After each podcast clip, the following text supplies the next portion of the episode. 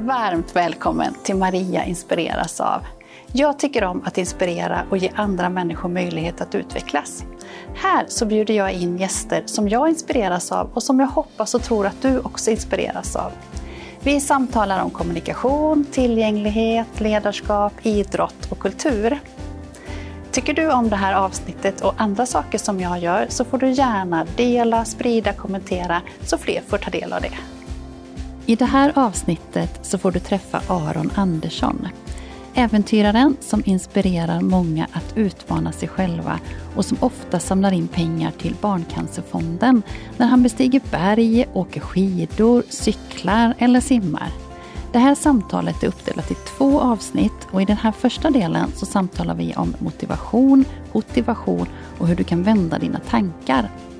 Aron berättar också om sin stora passion för fallskärmshoppning, att åka längdåkning i mörker, samtidigt som han berättar om upplevelsen av att drabbas av cancer vid sju års ålder till att nu kunna vara en förebild för barn och ungdomar som sitter i rullstol. Känn dig så varmt välkommen att inspireras. Hej Aron! Hej Maria! Välkommen hit! Tack! Det känns fantastiskt roligt att du är här. Jätteroligt! Ja. Komma till detta regniga Borås. Nej, vad säger du? du bara sa innan, det är så dumt att alla mina gäster får se när det regnar. Det är så Men det är ändå inte. mysigt, så här. det är ändå Ja. november och regnar. Precis, det är Ja. ändå okej då att det kan vara så på det sättet. Då. Ja. Vi eh, träffades på Idrottsgalan. Vad gjorde du där? Vilken roll var du där Då, i? det, då, just då var jag där i rollen som eh, ordförande för Svenska Orienteringsförbundet. Ja, du, det, det visste inte jag. Coolt. Ja, det är coolt faktiskt. Det är väldigt eh, bra förbund och väldigt Ja, fint verkligen. förbund. Det går bra för dem också. Ja. Mycket medaljer. Och det var ju eh, när man inte fick komma så många så då var det en väldigt stor förmån att få vara där tyckte jag på Ja. Idrottsgalan faktiskt. Ja, ja, det var, Ja, det var den verkligen lyxigt att sitta Och där då och så kolla. sa du så här, "Ja, men jajamän, jag kan komma och vara med i din vård. Och sen eh, bara några veckor efter så säger du att ah, men jag ska vara med i Let's Dance. Och då inser jag, ja det här går ju inte, kommer han ju aldrig hinna. nej, nej, men det, det varit lite hektiskt i, i våras. förstår det, Sjukt det, förstår var det. det där programmet. Så Let's Dance var jätteroligt att göra. Ja, det Men- var det. Galet vad det tog tid. Mm. Kan tänka Jag, mig tror, jag det. tror man fattar inte det om man inte är med. Nej. Och inte bara att man ska så träna dans som man gör ganska många timmar om dagen. Utan också, ah, men nu ska vi intervjuas om det här, nu ska vi göra det, ska vi Ja. prova kostymer och sen nej Ja. vi gillar inte dem, nu ska vi prova andra kostymer. Ja, många Åh, olika saker förutom dansen. grejer. Ja, men precis, det är så mycket Ja. runt om som inte är dans. Men som är dansrelaterat. Ja, just det. Ja. Men det måste varit liksom en annan del av, av liksom ditt vanliga liv sådär, som kom in bara med storm under några veckor. ja, verkligen. Alltså, inte några veckor. Alltså, jag tror att jag, Det kanske var riktigt typ någonting. hundra dagar någonting. Mm. Nej, men för programmet var ju, det är tio veckor programmet och jag var med i nio av de veckorna. Ja, ja, du gick ju riktigt Så. långt. Ja, Och sen hade vi sex veckors träning innan. mm. Så att, ja men det är 16 veckor Ja, då, vad, vad ja. blir det? 16 gånger 7, det är ganska, och man tränar ju, vi hade inte en enda ledig dag. Nej. Vi tränade varje dag jag och Jasmin. Mm. Förutom några dagar när jag var iväg på andra, ett annat jobb. Mm. Typ jag, var, jag körde Vasaloppet till exempel, men då fick jag Just det, ledigt det. från, från dansen så det var ju schysst så.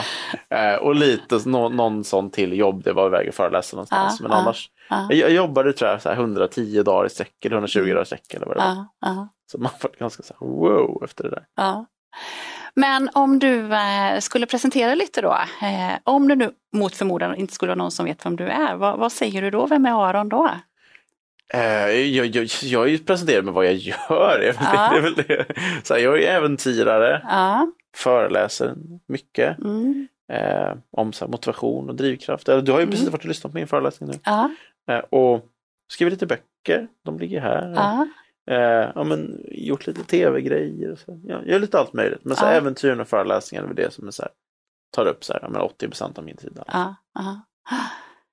Du, eh, du var inne på nu då, för det är ju det som jag är så otroligt inspirerad av dig med, med just det här med motivation och Mm. eh, drivkraft och eh, ja, men det som du gör att du får de utmaningarna också som du, det är inte så här liksom små utmaningar du skapar tycker jag, utan det är ganska stora utmaningar.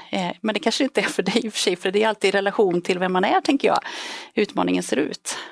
Ja, men så är det väl. Och, och, och alltså, någonstans min, min, min första äventyr var att gå upp på Kebnekaise. Ja. Eh, och det var ett jätteprojekt då. Mm. För mig att gå på Kebnekaise nu, det är fortfarande alltså, det är väldigt jobbigt fortfarande, väldigt fysiskt jobbigt. Ja. Men jag vet vad det innebär. Mm. Jag har gjort det flera gånger innan. Så jag, liksom, det är tufft men jag vet att jag fixar det, det är inga problem. Mm. Eh, så man har vant sig vid det. Men många av de här utmaningarna liksom, är ju tuffa sådär. Men Mm. man vänjer sig samtidigt. Man Mm. ändrar ju sitt perspektiv på Mm. vad är tufft och vad är Mm. inte tufft och så. Kebnekaise, några andra berg också. Jag har varit på Kilimanjaro, varit på Elbrus i Ryssland, Galdhöpiggen i Norge. Ah. Ja, varit på lite berg och sen alla, alla andra möjliga äventyr. Alla man, ja, för liksom idrotten är det som eh, binder samman mycket utmaningarna. Fysisk utmaning. Ja men precis, det är ju fysiska äventyr så. Ja, Eh, och, och jag är ju idrottare i grunden, och det är min bakgrund så. Så att jag gillar ju att göra fysiska grejer. Jag har Mm. liksom alltid tyckt Mm. att det varit roligt att Mm. utmana mig själv fysiskt. mm, mm. ja, det är spännande. Vad tänker du eh, när du liksom, eh, men det här med motivation och, och sådana saker, var hittar du din motivation någonstans? Det, det, det är ju en väldigt bred fråga. Ja, Det, och och det skiljer ju sig mycket beroende på vad det är man ska hitta motivationen inom, ja, ja. tänker jag. Mm, Ja, men som äventyren har ju en viss sorts motivation, som vanliga livet behöver man ju också motivation i, och det är en Ja. annan sorts motivation. ja, Men, men som men äventyren då, jag tror att där har ju också motivationen ändrats mycket. Jag tror från början var det mycket för så här, se kan jag klara av det här, går det? Och kanske också visa lite för andra att det går. ja, Eh, nu tror jag att jag mer gör äventyren för min egen så här, njutnings skull. ja, just det. För att jag tycker att det är Ja. så roligt och det är Ja. så häftigt. Och, ja, men, och vara i de här vackra miljöerna och, Ja. och bara se, alltså, ut, uppleva det. Så. Eh, Jag, jag behöver ofta, så här, jag gillar ju också fysisk aktivitet och röra på mig och sådär och då behöver jag ofta något mål lite längre fram för att få liksom, den där extra motivationen för att göra de utmaningarna. Känner du också det? Har, liksom, har du mål framför dig hela tiden som du känner att jag ska göra det? Här, Ja. off, jag har nästan alltid haft det senaste så här. Vad kan det vara? Ja, det är nästan tio år. Ja. Alltid haft ett projekt så där som man jobbar mot. Just nu har jag inte det. Nej. Eh, vilket känns, alltså jag Vasaloppet i mars men det räknar jag inte riktigt för det har jag kört så många gånger. Men det känns ganska märkligt att inte ha det. Och Mm. en anledning till att jag inte har det är att jag, så här, jag skadade min högra axel under ett stance. Skulle lyfta upp Jasmin och göra ett lyft och så lägga upp henne på axeln. Ah. Vi höll på och tränade. Mm. Och så var det så här, kall träningslokal, vi hade värmt upp dåligt. Vi skulle bara in och köra av det fem gånger, sen var vi klara. Och sen bara lyfte jag upp henne. Aj, det där var inte bra. Nej. Eh, vilket blev jättedåligt så. Och den Mm. är fortfarande inte helt bra. Också. Nej. Den går åt rätt håll så. Mm. Men det är, det är lite, lite kvar. Och då jag har valt någonstans att inte pusha det för mycket. Mm. Vilket kanske är dumt, för jag kanske hade varit mer motiverad att göra min rehab om jag hade haft så här, om fyra Ja, månader måste jag vara det. fit liksom. Ja. Eh, och så. Och sen nu sista tiden, det var så dumt. Nu kanske, har du sett att jag har crocs på mig förresten? Foppatofflor. Jag bara noterade det faktiskt under föreläsningen. så Väldigt tänkte jag, ostylish. Det lite typ så tänkte jag, men eh, skor. no comments liksom. Men du borde ändå kommentera på det. Alltså, fan, det är en, en, kanske världens fulaste skor. De är väldigt praktiska, men de är kanske Praktiska. världens fulaste. Eh, och det var för att jag var på fallskärmsklubben här för några veckor sedan. Eh, och råkade somna med foten på elementet. Nej. Det är en sån här nackdel med att inte ha känsel i Ja. fötterna. Och, och jag, jag märkte inte det förrän typ ett dygn senare. Oj, Det här hände på så här söndag morgon. Att jag gick och la mig då.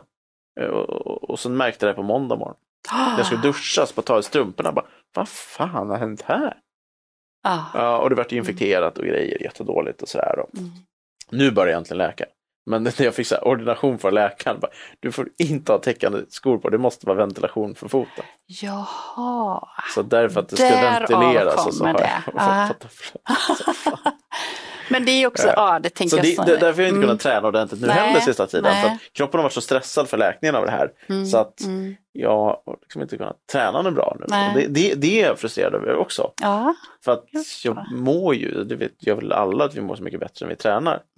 Och röra på sig. Mm, och sånt. Mm. Mm. Men du, jag tänker ändå att axeln behöver ändå funka om du ska åka Vasaloppet, eller? Ja, men det tror jag att den gör just nu. För den här, Ja. den här rörelsen tror jag kommer Den funka. rörelsen funkar. Ja. Så. Eh, jag planerar Nattvasan då. Ja, kul ju. Då får Mm. man ha pannlampor och grejer. Det är, Ja. jag, jag har kört Nattvasan en gång. Ja, det har jag också gjort. Den är väldigt Ja. härlig. Ja, jag har kört den två gånger, eh, varav Du den inte ena... värst. Nej, det ska jag inte. Men den ena skojar. gången var det väldigt kallt, kan jag säga. Åh, Så där kom Ja. jag av mig lite, för det, det var liksom en, det är en rolig upplevelse. vilket år körde du? Eh, ja, första gången det startade och sen andra, jag vet inte, 2017, 18 kanske? Någonting Ja, sånt. för jag körde, körde jag första eller? Nej, andra kanske jag körde. Andra Nej. tror jag körde. När det var så himla kallt. Ja. ja.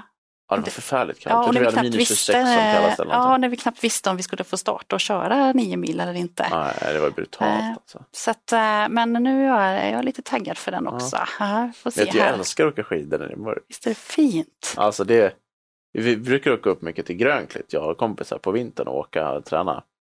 Och då, du vet, ofta som man kommer upp med bilen sen på kvällen Mm. och så tänker Ah. man, ah, man så här, ska, vi ta, ska vi basta? Nej, vi tar ett pass först. Ja, Så är det ut och det bara gnistrar i Ah. pannlampans sken. Ah. Och det är så. Ja det, är bland det bästa som finns. Alltså. Vi har ju väldigt ofta snö här i Borås då. Även om det kan regna också så har vi också väldigt mycket snö och vi har ju flera Mm. Perfekt. konstsnöanläggningar. Ja. Så att, eh, det är ju väldigt bra om man tycker om skidåkning och bo i Borås. Nu fick vi lite Ja, reklam jag, för det faktiskt. jag, känner Ja. Kolting lite, han lägger ju ofta upp att han åker skidor. Ändå ganska sent in på säsongen också. Ja, ja. Så att eh, det blir bra förutsättningar för jag kommer ju kanske hem också senare på kvällen ibland så, bara sticka ut ett pass i mörkret med pannlampa. Det är fint. Schysst. Det är gott. Ja, det Ja. Eh, Men du, vad drivkrafter också. Eh, Du pratar ju en del om det på föreläsningen eh, kring motivation och drivkrafter. Men motivation också, så hade du ett annat namn också tvärtom där. Som du pratade om. Motivation, Ja, ja. det var ju lite spännande. Ja, så det är intressant med motivation. Och bara för att förklara för liksom Ja. de som inte har hört min föreläsning Mm. nu precis vad motivation är eller vad jag menar med det. Just det. Så någonstans för mig motivation är så här, var ska vi? Mm. Var är vi på väg? Men dit är målet, dit ska vi, varför ska vi dit? Så, så, så. Motivation är snarare så här, vad är konsekvenserna om vi misslyckas då? Mm.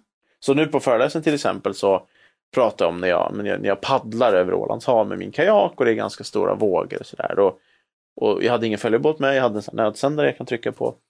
Eh, och där någonstans motivationen är att ta sig fram till Åland och klara av det här och känna vad yes jag fixar det och ha en härlig upplevelse. Så. Mm. Mm. Motivationen i det här fallet är, är någonstans så här, ramlar jag i det här kalla vattnet och inte kommer upp i kajaken. Trycker jag på nödsändaren och hjälpen kommer fort så är det ju lugnt. Men tar det tre timmar så kanske jag är död. Så där är motivationen väldigt stark. Det är ju så här, jag Mm. måste fixa det här. Mm. Jag har inget val. Jag, jag, jag får inte misslyckas. Mm.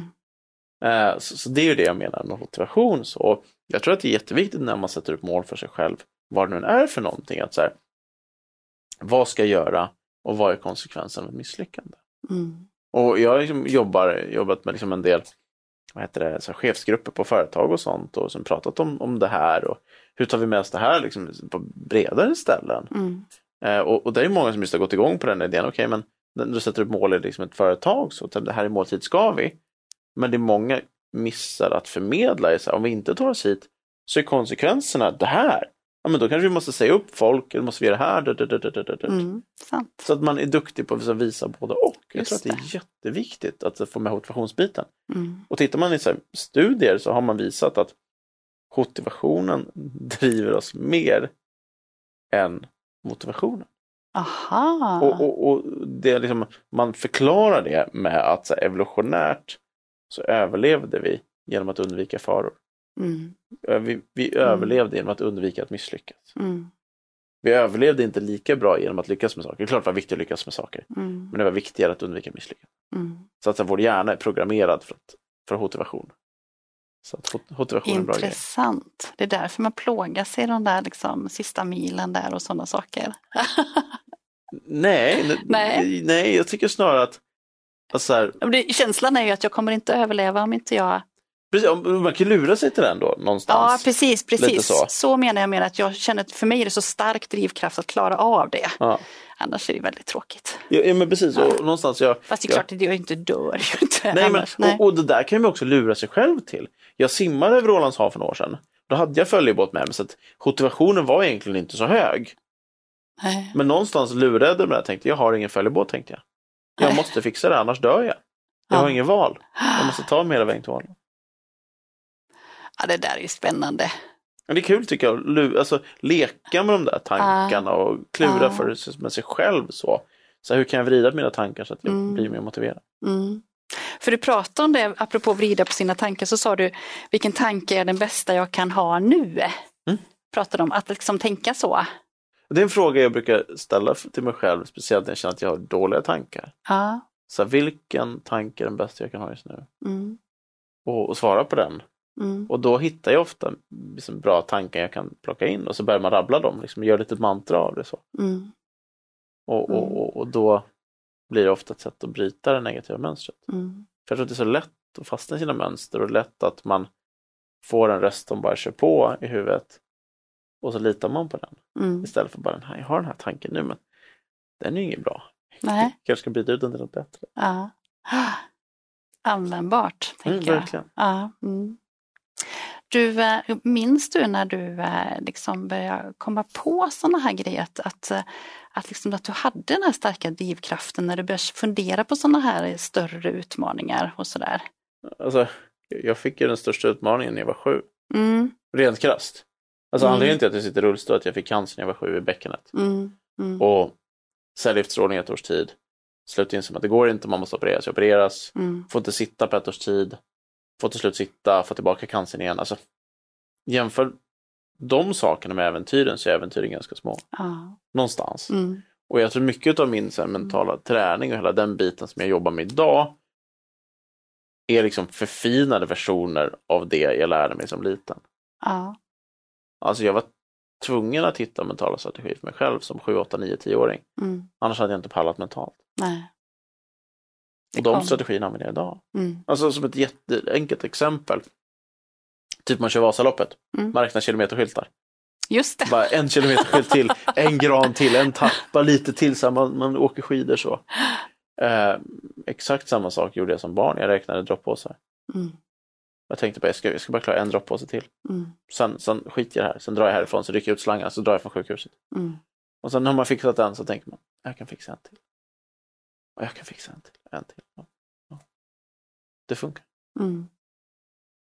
Där pratar du också om att det här med delmål är ju någon form av det. Eh, eller Ja, mikromål. men mikromål brukar jag kalla det. Ja, precis. Mm. Att också så ha det. bryta ner de här små delarna. Mm. Mm. Och tittar man där också, sjukhuset, så här, motivationen är ju skyhög. Mm. Tar inte de här cellgifterna så dör jag. Mm. Jättemotiverande. Mm. Mm. Du, eh, eh, det här kanske inte alla vet eh, om dig, jag vet inte. Men det här är stort inom den världen jag jobbar då, så jobbar jag mycket med barn, ungdomar och vuxna Ah. också med funktionsnedsättningar på, av olika slag. Eh, och det här är en bok som jag har med mig emellanåt. Ja, kul Och som jag fick av, på ett ställe där jag jobbade så fick jag den som eh, avskedspresent när jag slutade där. Nej, vad fint. Aron Tiger bestiger berg. Ja. Jag tyckte att den liksom stämde med mig också och det, det arbetet som jag jobbar mycket med. Vad, vad kommer sig det här av då? Det här projektet att skriva en bok. För de som lyssnar nu ska vi säga Ja, att tar där fram en bok nu då. Ja. Precis, eh, boken där Aron Tiger har tillsammans med en fantastiskt, fantastiskt duktig barnboksförfattare som heter Ebba. Mm, Så vi har gjort den tillsammans. Och Mm. den handlar egentligen om Aron, ja, men tigern Aron som sitter i rullstol. Han vill gå upp på berget bakom skolan.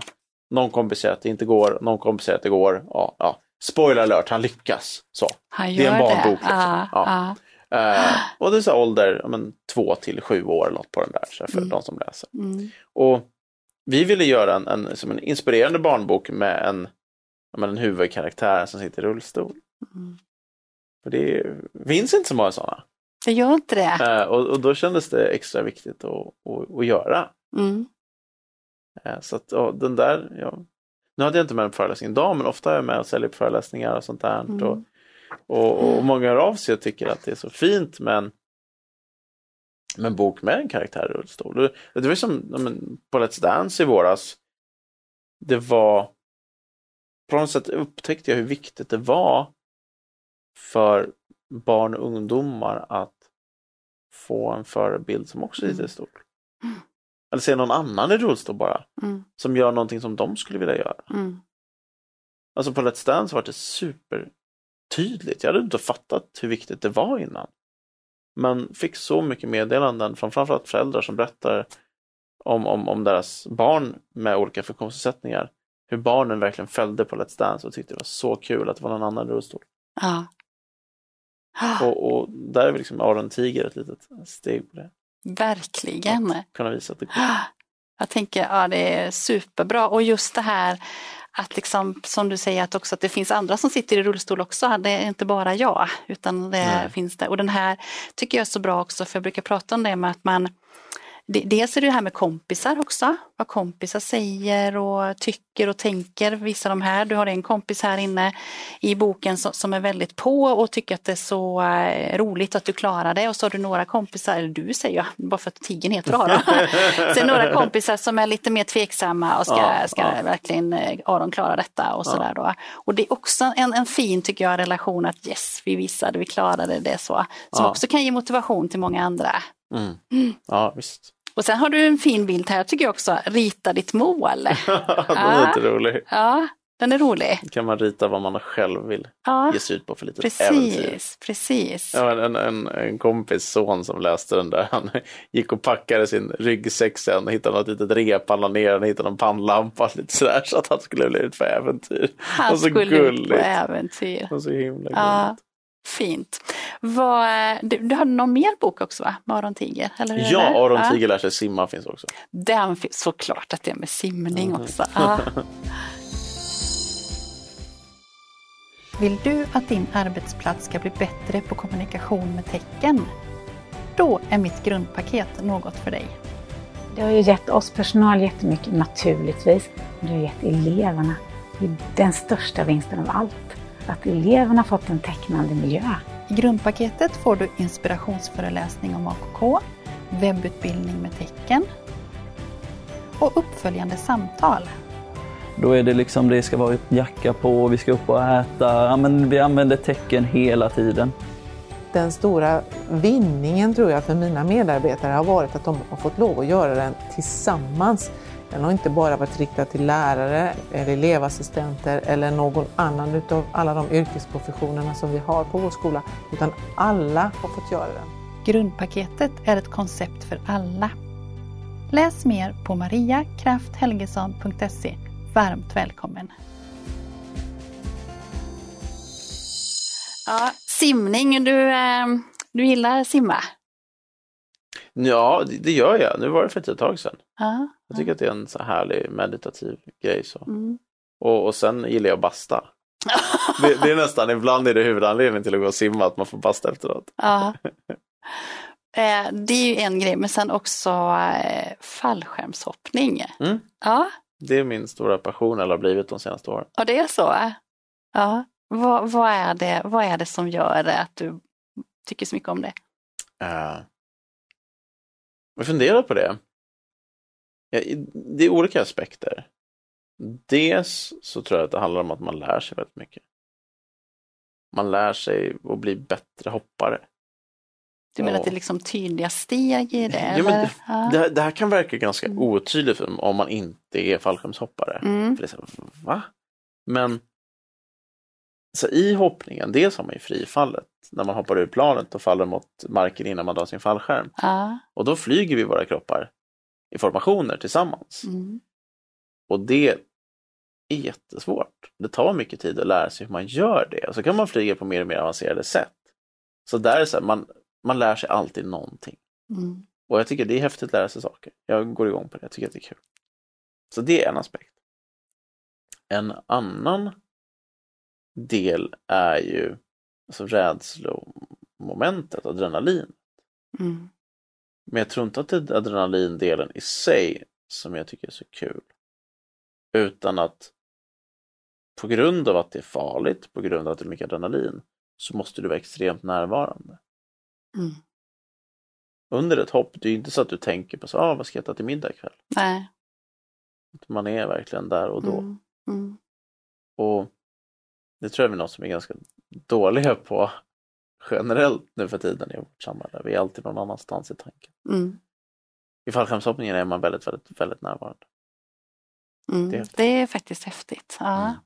Och sen är det andra aspekter också, som Mm. att det är en fartkänsla och det är så hela, hela den aspekten är jätte, jätteläcker, att det går fort och det är fläng och det så hela den biten är cool.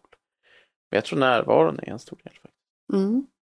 Det kan jag förstå, för jag tänker också ofta att, att jag kan möta personer som kanske har annat språk än talat språk eh, och som kommunicerar med kroppsspråk eller mimik eller ljud och sådär. Det är ofta det att det kräver all fokus av mig som mötet om jag ska vara en bra eh, människa och där. Och det tänker jag också att det, det är någonting som är väldigt skönt att vara i nuet och vara närvarande på det, på det sättet. Mm. Jag tror också att vi människor behöver det mycket nu för tiden. För vi lever, i alla fall jag lever väldigt mycket framåt, planerar framåt så här. Och en del vill prata om vad vi gjorde innan och sådär. Så att det, jag kan förstå det. Sen kan jag inte riktigt förstå känslan av att hoppa. Den tycker jag känns lite jobbig faktiskt. Jag är inte så mycket... Mm, jag gillar att prova saker men kanske inte riktigt det. Jag har svårt att få hoppa bara ner från ett berg till vatten, tänker jag faktiskt så. Men har du varit rädd någon gång när du hoppat? Ja, självklart. Mm. Det tror jag alla som hoppar fallskärm har varit. Ja, det är så. Någon gång? Ja, alltså jag drar inte reservfallskärmen två gånger. Mm. Och då är det något som inte har gått som det ska. Så då får man en väldig adrenalinpåslag. Alltså, Mm. ja, man blir, jag blir jäkligt rädd. Mm. En, en gång trodde jag så men nu kommer jag dö. Det här går åt helvete på riktigt. Men det löser sig. Allt var lugnt, men det var Mm. Du har ju något slags rekord där eh, Ja. också. det var faktiskt en av gångerna jag drog reserven. Det var inte då jag trodde det skulle gå riktigt illa. Men jag fick för mig förra året att slå svenskt rekord i fallskärmshoppning. Det är svenskt rekord alltså. Ja, det, ja, det är det. Och, och då, då svenskt rekord är flest antal hopp på en dag. Så då gjorde jag 145 hopp på en dag. Det är ju, sjukt, men jag har försökt liksom räkna ut hur ofta, hur ofta liksom, när du landade så var du upp igen direkt eller? Ja, men det, det funkade så att vi hade ett, ett litet snabbt propellerflygplan. Eh, så att då hoppade jag i det och sen åkte vi upp till 700 meter så hoppade jag på 700. Och 700 meter anledningen till att man hoppar från den höjden det är den så här lägsta höjden vi får hoppa från i Okej. Sverige så här, enligt regelboken. Så. Ja. så att man ska dra sin fallskärm på 700 meter. Så då hoppar jag ut på planet så jag drar fallskärmen på en gång. Och direkt när den har kommit ut så kollar jag så att den är som det ska, att det funkar, att allt är korrekt. Eh, och sen så börjar jag svänga. För att svänger man då kommer man ner snabbare. Så jag spiralar mig ner helt enkelt. Mm. Så att jag tar mig ner till, till marken så fort det går, kommer ner och landar. Och direkt när jag landat så kommer mitt team där och hjälper mig ta av fallskärmen och ta på en ny. Så då byter man. Aha. Eh, så det är bara på med ny så de har packat under tiden då. Ja. Så vi hade så här sex, sju fallskärmar någonting som de stod och packade på marken. Så på med ny och precis då när jag fått på den så kommer planet in och landar, så in i planet, så upp igen. Så det var bara så här, pang, pang, pang, pang. Wow. Så en sån cykel, Ja. som snabbast tog den ungefär tre minuter. Aha. Och det där är ju också så intressant. Vid ett av de där hoppen så drar jag fallskärmen, den kommer ut och det blir något tassel på linorna. Så den flyger hyfsat fallskärmen men den börjar svänga när den kommer ut. Och då känner jag att någonting är ju fel här. Så jag försöker fixa det jättesnabbt men jag vet ju också att jag är på så låg höjd. För i vanliga fall drar man sin fallskärm på kanske 11 1100 meter, 1000 meter, så man har mycket mer marginal. Mm. Så nu hänger jag så lågt redan. Mm. Så jag har inte riktigt marginal att, att börja fixa med det där. För då, då finns det risk att man är för låg och så kan man inte dra reserven eller för att man är för låg. Mm. Så i det här läget så, eh, så drar jag reserven. Eller först, det man gör först är att man tar ett handtag som sitter på höger sida bröst. Mm. Eh, så drar man det och så lossar huvudet fallskärmen. För att du vill bli av med den innan du kan dra reserven. Så tar jag ett annat handtag och så drar jag reserven. Eh, och den kommer ut, det är inga problem. Så här, men det är ändå som adrenalinpåslag och man är lite så här stirrig efter det där. Eh, så då kommer jag ner och landar och så han som är som hoppledare, chef på marken, kommer fram och bara, "Ah, är det okej, känns det bra? Ja. Och jag sa, ja, ja, det, det, det är okej, ja, det gick bra så här. Han bara, "Ja, perfekt, på med ny fallskärm så kör vi. Det, det var inget, så att, ja men, ja, det kanske, det kanske fick 30 sekunders längre break än annars, men det var bara ner och som upp och köra. Oj, oj, oj. Wow. det var kul. Ja. ja.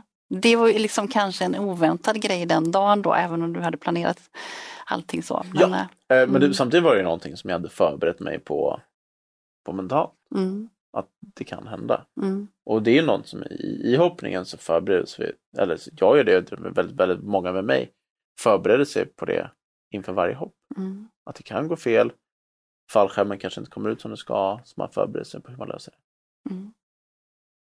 När började du eh, hoppa fallskärm? 2018, Ja. Så jag gick faktiskt kurs i Dubai av alla ställen. Mm. Jag hade läst att de var jätteduktiga på det här med fallskärmshoppning. De Mm. har flera stora center där. Så jag åkte Mm. dit, tog kurs där, hoppade typ 26 hopp på en vecka och lärde mig. Och sen dess hoppar jag själv. Wow. Eh, ja, det förstår jag verkligen. Jag, tänk, jag tänker att det ska ge en enorm, alltså eh, det låter kanske klyschigt, men frihetskänsla. eh, så. Mm, ja, verkligen. Och att både flyga sin kropp i fri fall men också Ja. flyga fallskärmen är en otrolig känsla. Ja. Du, du, har flugit tandemhopp också? Alltså, eller Ja, hur funkar alltså- det? Jag gjorde tre, alltså, jag fick ett fallskärmshopp i 18-årspresent av mina föräldrar. Så det gjorde jag när jag fyllde 18 hoppade jag tandem. Ja, Och sen gjorde jag tandemhopp efter det när jag var i Schweiz en gång och en gång när jag var i Australien. Jag tyckte det var väldigt kul men inte så mycket mer med det. Mm. Och sen började jag klura på, undrar om jag skulle kunna hoppa själv också. Det hade varit häftigt. mm. Så gick jag då kurs och lärde mig hoppa själv. Så, ja, det gick. Och, Ja. och, och, och det var också en sån här sak, när vindtunneln kom till Stockholm. Jag vet inte om du har sett den, det finns en i Göteborg också, Ja, den var. Bodyflight. ja. Eh, Så det kom. Jag har så, sett lite filmer därifrån. ja, ja, det, det, och det är ju som fallskärmshoppning fast inomhus. Så att man får Just känna den här känslan av att flyga fritt i fria fallet. Så du ligger och flyger på luftkudde Ja, egentligen. ja, Och det blir väldigt, väldigt likt som att hoppa fallskärm. Eh, Så då när den kom till Stockholm tänkte jag att det där måste jag prova. För klarar jag det där så borde jag kunna hoppa fallskärm. Så, mm, borde kunna funka. Eh, Så åkte jag dit och testade och och efter lite träning så gick det. Så då bara tänker man, äh, nu kan man hoppa fallskärm. ja. Häftigt. Mm. Superkul. Rekommenderas varmt. Jag ska ta med mig det. Och här tar vi en liten paus i samtalet.